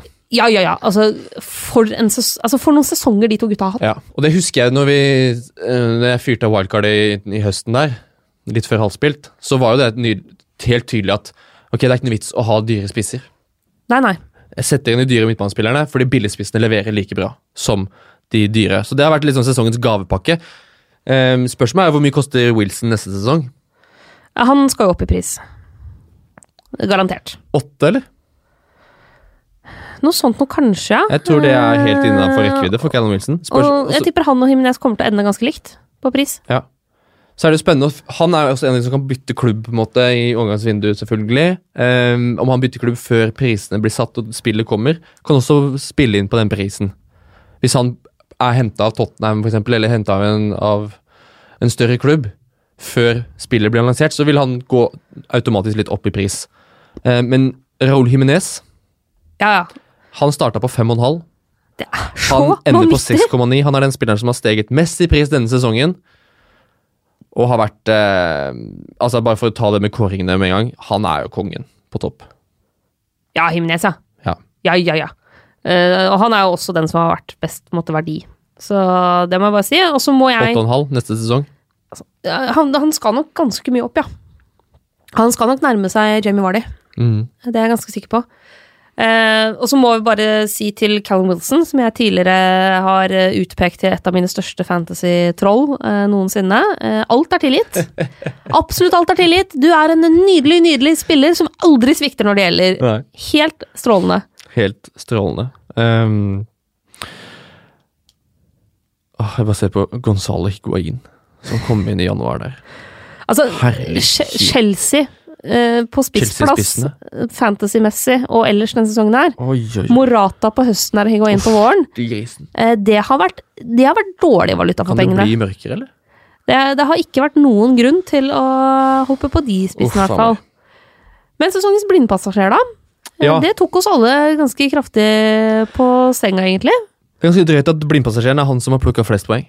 Men Aubameyang Vi snakka mye om han i høst og tidlig i vinter, men så har vi på, vi på en måte gått litt sånn vekk fra han. Og det har jo vært litt fordi det har vært vanskelig å vite om han eller Lacassette liksom, spiller. ja. Men han ender opp som delt toppskårer i ligaen. Han er den spissen som plukker flest poeng eh, denne sesongen her. Fire poeng foran Aguero.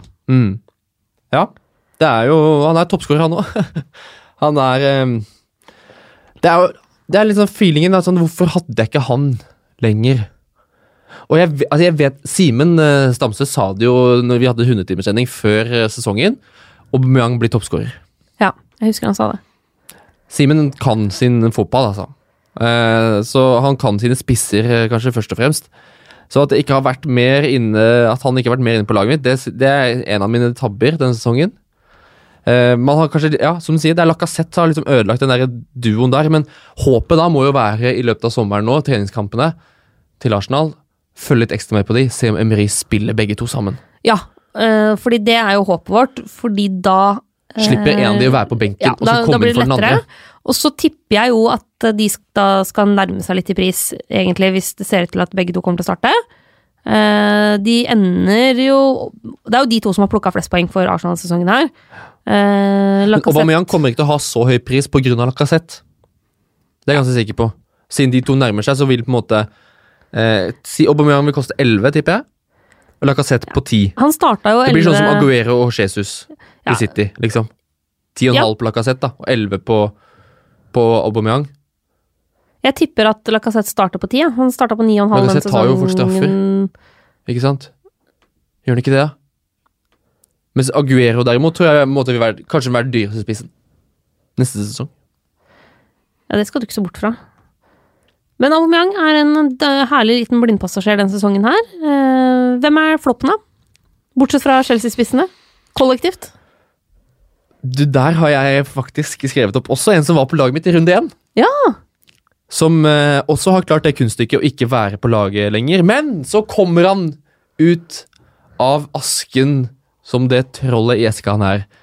Den tyrkiske Pepper Schenk-Tosun. Han hadde jeg på laget i første runde. Ja. Eh, Hadde liksom, han var liksom en av de der Ok, han, kosta sju blank. Og bare tenkte ok, han kommer ut til å være kjempeverdi gjennom hele sesongen. Nei. 56 poeng har han plukka. Én scoring Én scoring, og den kom. i eh, runde Han har tre skåringer, da. Han har jo det. Ja, sorry, jeg så på feil spiller nå. Så, eh, men eh, han har jo nesten ikke starta en kamp. Tre skåringer, tre målgivende. Um, har jo mista plassen, rett og slett. Så enig. Det er spissfloppen for sesongen. Jeg ser liksom ikke noen andre. Nei, Nei, altså. Lukaku. Ja, Lukaku. Uh, og så har begge Chelsea-spissene Ja, det er mange der, vet du. Jeg er jo litt skuffa også. Gabriel Jesus. Ja, Jesus har jo ikke funka i det Selv om det egentlig har vært kjempefint at han ikke har spilt. Fordi at man kan sitte med Aguero og ha det bra. Um, hadde forventa litt mer av Mitrovic, faktisk. Ja, han hadde, en veldig, han hadde jo en fin periode der, og har jo generelt gode tall, men eh, det hjelper jo ikke å ha gode tall så lenge du ikke evner å Men Tosund han var liksom på laget i første runde. Da, for meg, altså. Det blir han. Um, gøy altså å oppsummere sånn her. Det er jo morsomt. Ja. Eh, vi skal ikke gi oss helt ennå, skjønner du, fordi vi har, eh, vi har planlagt en liten sånn sesongens lag her. Ja, fordi det, det er jo veldig populært å kåre sesongens lag i alle mulige bauger og kanter og varianter. Vi har prata godt over en time, vi kommer til å prate lenge igjen. Så det er bare å eh, Hvis du vil ta en tur på do eller et eller annet, trykk på pause, og så kan du bare komme tilbake igjen. Vi skal Vi fortsetter, vi, i hvert fall. Så kan du bare komme, bli med oss på ferden. Sesongens hjertelag Ja, skal vi på nå. Og det, vi har jo hatt et liksom fast spørsmål til gjestene våre gjennom uh, podkastsesongen. Om de er en romantiker eller en analytiker, spiller de med hjertet eller med hodet. Mm. Eh, nå er vi over på hjertet. Ja. Altså, dette er et lag vi setter sammen med de spillerne som er morsomst å ha på laget. Mm. eh, som eh, vi har fått en liten sånn softspot for. Eh, som vi har sånn kosa oss i berg-og-dal-baner den sesongen her. Så de, man kan jo bli irritert på dem, men når de først leverer, så er det så fantastisk gøy. Ja, men de er liksom, det, er så, det er så morsomme spillere å ha på laget at du vet innerst inne at når du setter de inn, så kommer de ikke til å score. Eller holde nullen. Eller få en assist. Men det går fint. Fordi du har bare lyst til at de skal være en del av gjengen din. Ja, fordi det er de som får det til å krible med sommerfugler når du setter deg ned med målshow. Ja. Det er de spillerne. Mm. Eh, Hvem skal være i mål? Etterich. Ja. Ja, ja, ja. Ja. Vi skal jo ha Cardiff-keeper i mål. ja. Eh, rykker ned med bravur, men, eh, men Etterich må i gålen der, tenker jeg. Ja. Hvis ikke så ville jeg faktisk sagt Guaita. Som en sånn eh, bobler der. Eh, han kan være Han eh, fortjener, fortjener også litt sånn hyllest, syns jeg. Men jeg mest Men, Etheridge, Etheridge, han er vi glad i. Hvilke bakerst, da? Du vet jo at jeg skal ha en Aron Wambisaka der. Ja, han er med, selvfølgelig. Ja, han, han er med. Eh, og så mener jeg Luca Dini. Ja, vet du hva, jeg er helt enig. Fordi enten blir det rødt kort og sjølmål, Mm. eller så blir det scoring på frispark og clean sheet og 17 poeng. Og de frisparkskåringene de måtte en veier opp. Og de kommer sånn på tampen. Ja. Eh, og nei, Luca Din inn med en eneste gang, og du sitter og ser på han slå innlegg etter innlegg etter innlegg, etter innlegg, og så tenker du neste, neste gang, neste innlegg, da sitter han, vet du. Mm. Ehm, et forslag herfra. Nathan Ake. Oh. For det er også en sånn Altså Bournemouth er jo aldri lag du forventer på en måte noe av offensivt. Nei, defensivt, mener jeg. Men så er det de dødballene. Og du, ser det, du ser det håret Ja. til Ake der, ikke sant? Som bare stiger til værs. Å nei, vet du, den er god, altså. Den er, den er morsommere enn Docherty. Ja. Den er morsommere enn Docherty. Du skal få Ake. Så Ake, Wambisaka, Lukadin. Ja. Enten får du null poeng på den treeren der totalt, eller så får du Så grønne 60, piler. ja. Så grønne piler. ja, Ok, den er fin. Det er fin trio. Um, en firer på midten, da. Ja, eh, vi tenker Nei, vi, nei, vi må ha Vi må ha 3-4-3. Ja, 3-4-3. Ja, ja, vi må ha det. Vi må ha, for vi må ha tre spissplasser, nemlig. Mm. Nå har vi liksom bare vært litt sånn hipsterland. Nå har vi liksom bare hengt på løkka litt. ja, vi, Skal vi, dra, en- liksom, skal vi dra litt over mot uh, Mot Bislett, liksom? eh, litt vestover? Gå litt opp i pris? Ja, ok. Hvor skal du nå, da? Nei, jeg mener Altså Eden Hazard. Altså, vet du hva, du skal faktisk få den. Det er mange som mener han på en måte er litt sånn frustrerende å ha på laget. Ja, men det er jo 0 eller 15. Eller det er 2 poeng eller 15. Ja. Men denne sesongen har det vært oftere 15, føler jeg, enn 2. Og så er det Altså, får du mer sexy spillere enn han, da? Hver eneste gang han får ballen, så sitter du der og tenker Nå kan Mm. det bli scoring. Nå kan det bli scoring, vet du. Og så bare et slalåmløp gjennom Westham-forsvaret der. Og jeg vet du hva, du skal få den også fordi at eh, det kan ha vært siste sesongen vi har hatt muligheten til å ha en Hazard på laget vårt. Ja, det kan det ha vært. Dessverre. Så ja, jeg mener han må inn. Eh, Jeg skal ha inn en spanjol. ok, da Hvem skal du ha da? Altså, vi, vi må jo ha Pedro, minimum én Watford-spiller på dette Ja, det morsomme hjertelaget Det vårt. Og Delofeo. Ja. Altså, eh, også en sånn alt eller ingenting-spiller, ja. men når han først har dagen, Mm.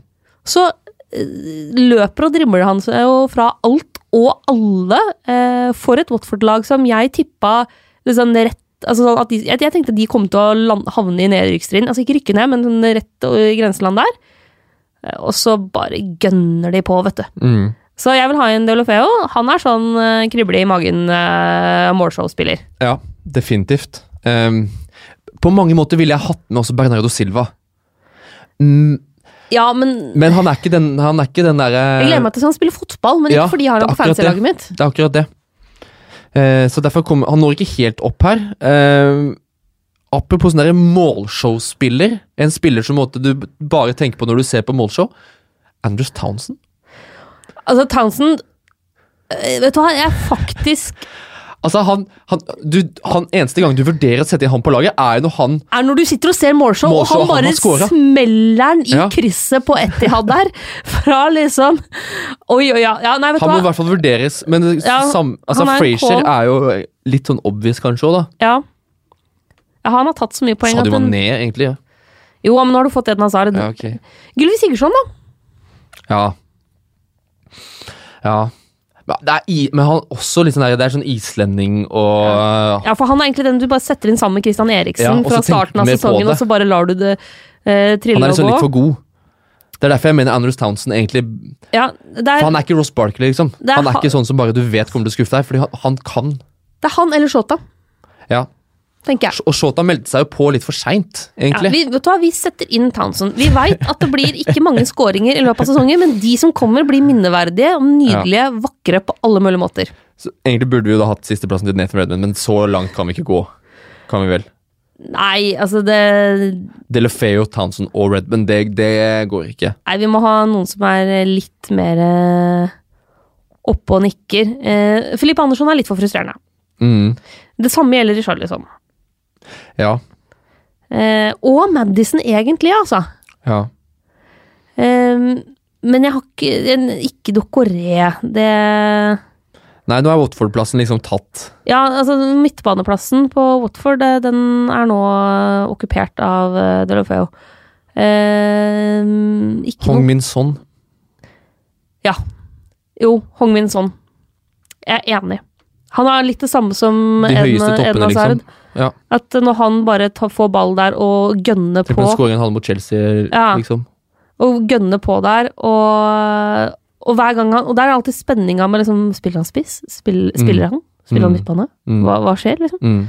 Ja, Hong Min Son får være med. Ja. Eh, Og i en ideell verden så hadde vi hatt plass til Mesut Özil her, men det ja, men det gikk ikke denne gangen gangen. steg over grensa. Ok, så Hong Min Son, Delofeo, Hazard og Townsend. Townsend. Og det er en nydelig midtbane. Ja. Og det er ikke hakkende gærent heller. Nei, det er Det krise. Det er ikke krise. Det er ikke krise. På topp, da. Og spissrekka. Her, Kommer eh, noen darlings fra deg nå? her har jeg mange kandidater. Eh, Rondon skal inn. Rondon, Rondon er førstemann inn. Altså, han skal så med på det laget her at du Ja. aner det ikke engang. Det gliset hans, altså. Åh, for en nydelig spiller. Er blitt- ah, eh, på alle mulige måter. Så Rondon, eh, rett inn. Mm. Jeg har jo litt lyst til å foreslå Ashley Barnes.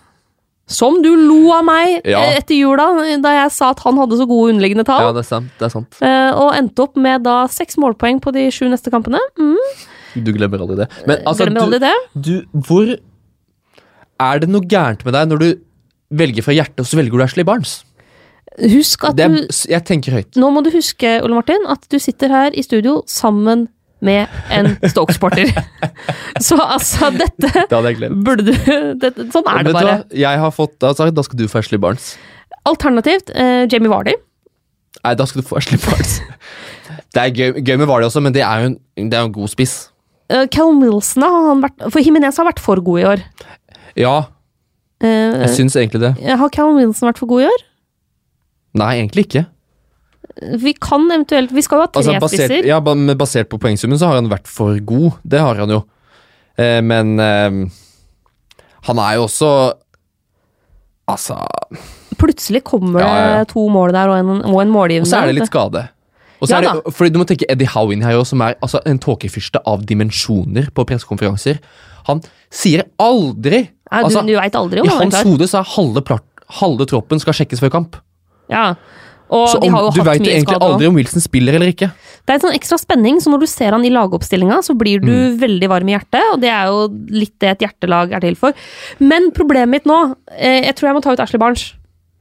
Okay. Fordi vi har en spiller Vi har egentlig brukt opp Watford-plassen, men vi har jo en spiller i Watford som vi begge to er veldig veldig glad i, som vi er nødt til å ha med. Troy Dini. Troy Dini. Ja, det er sant.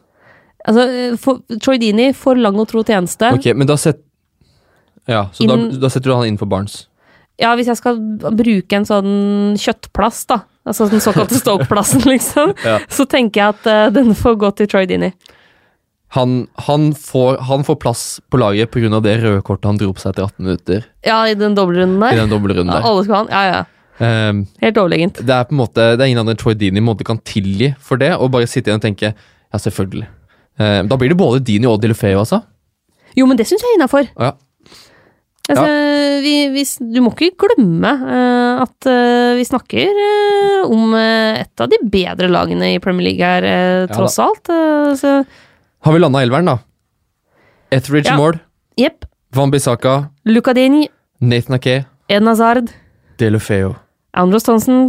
Hong Min Son, Salman Rondon Troy Dini. og Callum Wilson. Ah, Det for er et deilig Kanskje det er det som er laget vårt når vi begynner en ny sesong neste i august. Ja. Om et par måneder. Det er tre måneder, tre måneder til. Um, jeg håper å si Vi skal ikke snakke så mye om uh, den sesongen, men vi må kanskje Skal vi tippe litt, eller? Da har vi liksom Stein Olaf Olsen har meldt Rashford og Kane som neste års store poengkonger. Hva tenker vi? Uh, veldig usikker på om det er riktig. Jeg tror han tar feil. Eh, ja, jeg, jeg, jeg tror eh, Men det er deilig å melde. Ja, ja, det er nydelig å melde, det men jeg tror ikke det stemmer. Jeg Nei. tror det blir en midtbanespiller. Ja. Eh, og en Jeg lav odds på Mohammed Salah. Ja, eller Raheem Stirling, da. Kan skje det òg. Ja. Kan er, eh, skje det òg. skal vi ta eh, Hvem blir dyrest i hvert ledd neste sesong? Uh, Alison, Robertson, Mohammed Salah. På midt, hvis han er midtbanespiller.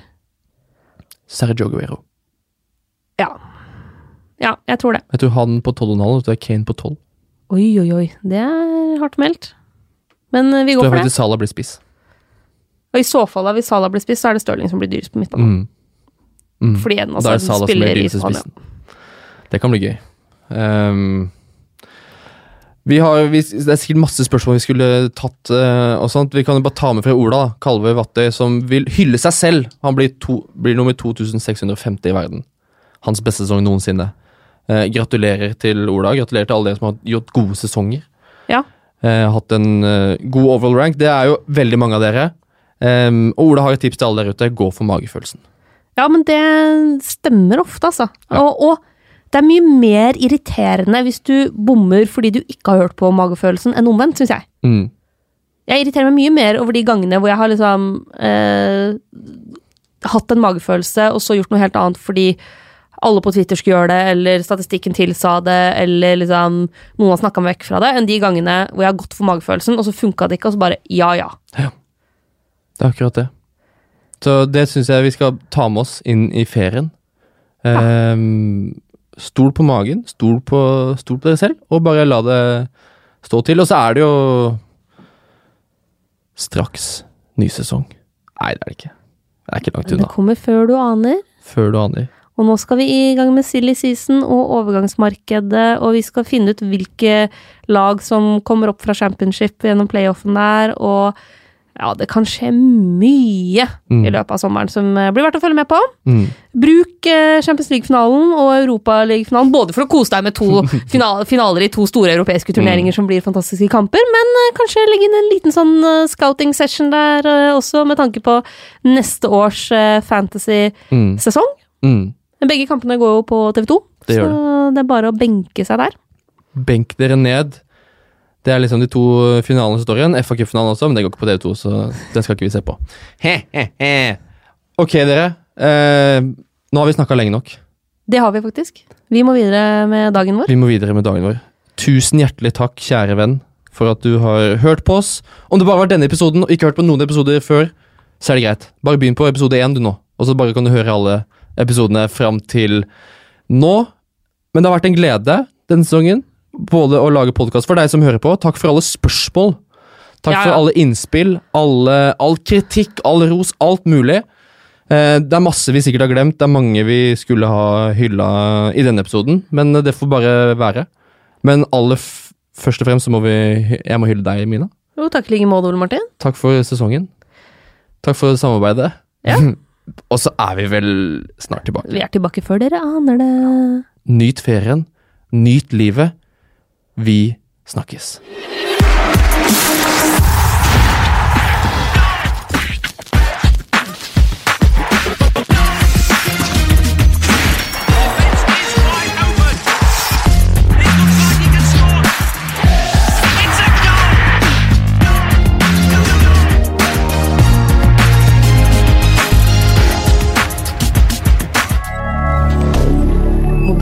It's